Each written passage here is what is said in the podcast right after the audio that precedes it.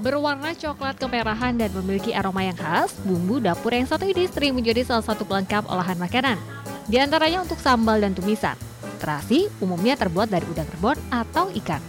Proses pembuatan terasi cukup sederhana. Setelah bahan baku direbus, kemudian dikeringkan dan ditumbuk, kemudian tambahkan garam untuk menghasilkan cita rasa terasi gurih dan asin. Menurut ahli gizi Rumah Sakit Ubaya, pada proses pembuatan terasi terjadi fermentasi atau proses menguraikan protein yang ada pada ikan atau udang secara alami. Nah, proses fermentasi inilah yang membutuhkan waktu lama hingga berhari-hari. Jika diproses dengan tepat dan tanpa menggunakan bahan kimia, terasi memiliki banyak manfaat untuk tubuh. Jadi terasi itu sebetulnya di Indonesia itu berbagai ragam ya. Jadi mulai dari produksinya itu kan bermacam-macam. Kalau untuk terasi sendiri yang diolah benar-benar menggunakan bahan alami, contohnya yaitu entah itu dari ikan atau uh, udang rebon. Nah, itu memiliki kandungan nutrisi yang sangat bagus. Karena kan untuk ikan dan udang itu memiliki tinggi protein, kemudian tinggi kalsium dan vitamin D, kemudian tinggi akan vitamin B12, terus selenium, fosfor serta ada juga tinggi akan antioksidan. Antioksidan itu yang biasanya terdapat pada terasi itu yaitu asantin. Nah, itu biasanya itu yang ada pada warna merah pada udang. Nah, itu biasanya untuk terasi sendiri kan ada tuh yang warnanya coklat kemerahan, tapi ada juga terasi yang warnanya kemerahannya terlalu banyak. Nah, itu akan yang biasanya memakai pewarna, itu biasanya warnanya warna merahnya mencolok.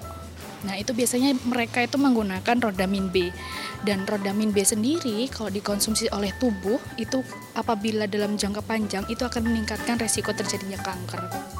Standar dari BPOM untuk proses pembuatan terasi hanya menggunakan bahan-bahan alami, seperti ikan dan udang, tepung beras atau tepung terigu dan garam yang digunakan pada proses fermentasi. Macam-macam terasi Madura. Terasi Madura. Kalau yang ini terasi sini, ini terasi merah. Terasi merah ya? Uh, dari kenjeran. Dari kenjeran.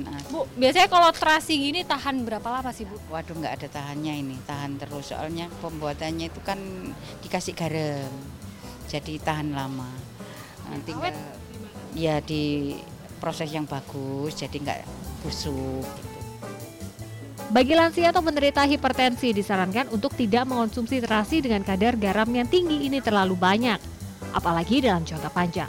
Proses pengolahannya pun sebaiknya dengan cara dipanggang. Biasanya, terasi yang memiliki kadar garam tinggi akan berwarna lebih kecoklatan. Terasi biasanya jadi bumbu pelengkap untuk menambah cita rasa pada sambal. Sambal yang diolah dengan terasi biasanya terasa lebih gurih dan memiliki aroma khas, sehingga banyak orang yang menyukainya. Karena terasi itu kayaknya cocok deh buat sambelan kayak gitu mbak. Ah rasanya sedap, enak. Kalau dibuat makan sama nasi dan sambelan kayak penyetan tuh cocok pas. Enggak, tahunya cuma dibuat sambelan aja. Eh, banyak proteinnya ya karena terbuat dari ikan, terus dan juga lebih menyehatkan bagi kita gitu dan juga sehat di kantong. Nah, berikut ada tips untuk memilih terasi yang baik sehingga bermanfaat bagi tubuh. Pertama, terasi yang baik dikonsumsi berwarna coklat kemerahan. Warna tidak terlalu mencolok. Jika warna terlalu terang, diindikasikan menggunakan pewarna berlebih. Selain itu, pilih terasi yang tidak mengeluarkan bau busuk menyengat atau berair. Terakhir, terasi akan baik dan awet jika disimpan di tempat kering. Tim Liputan CNN Indonesia Surabaya, Jawa Timur.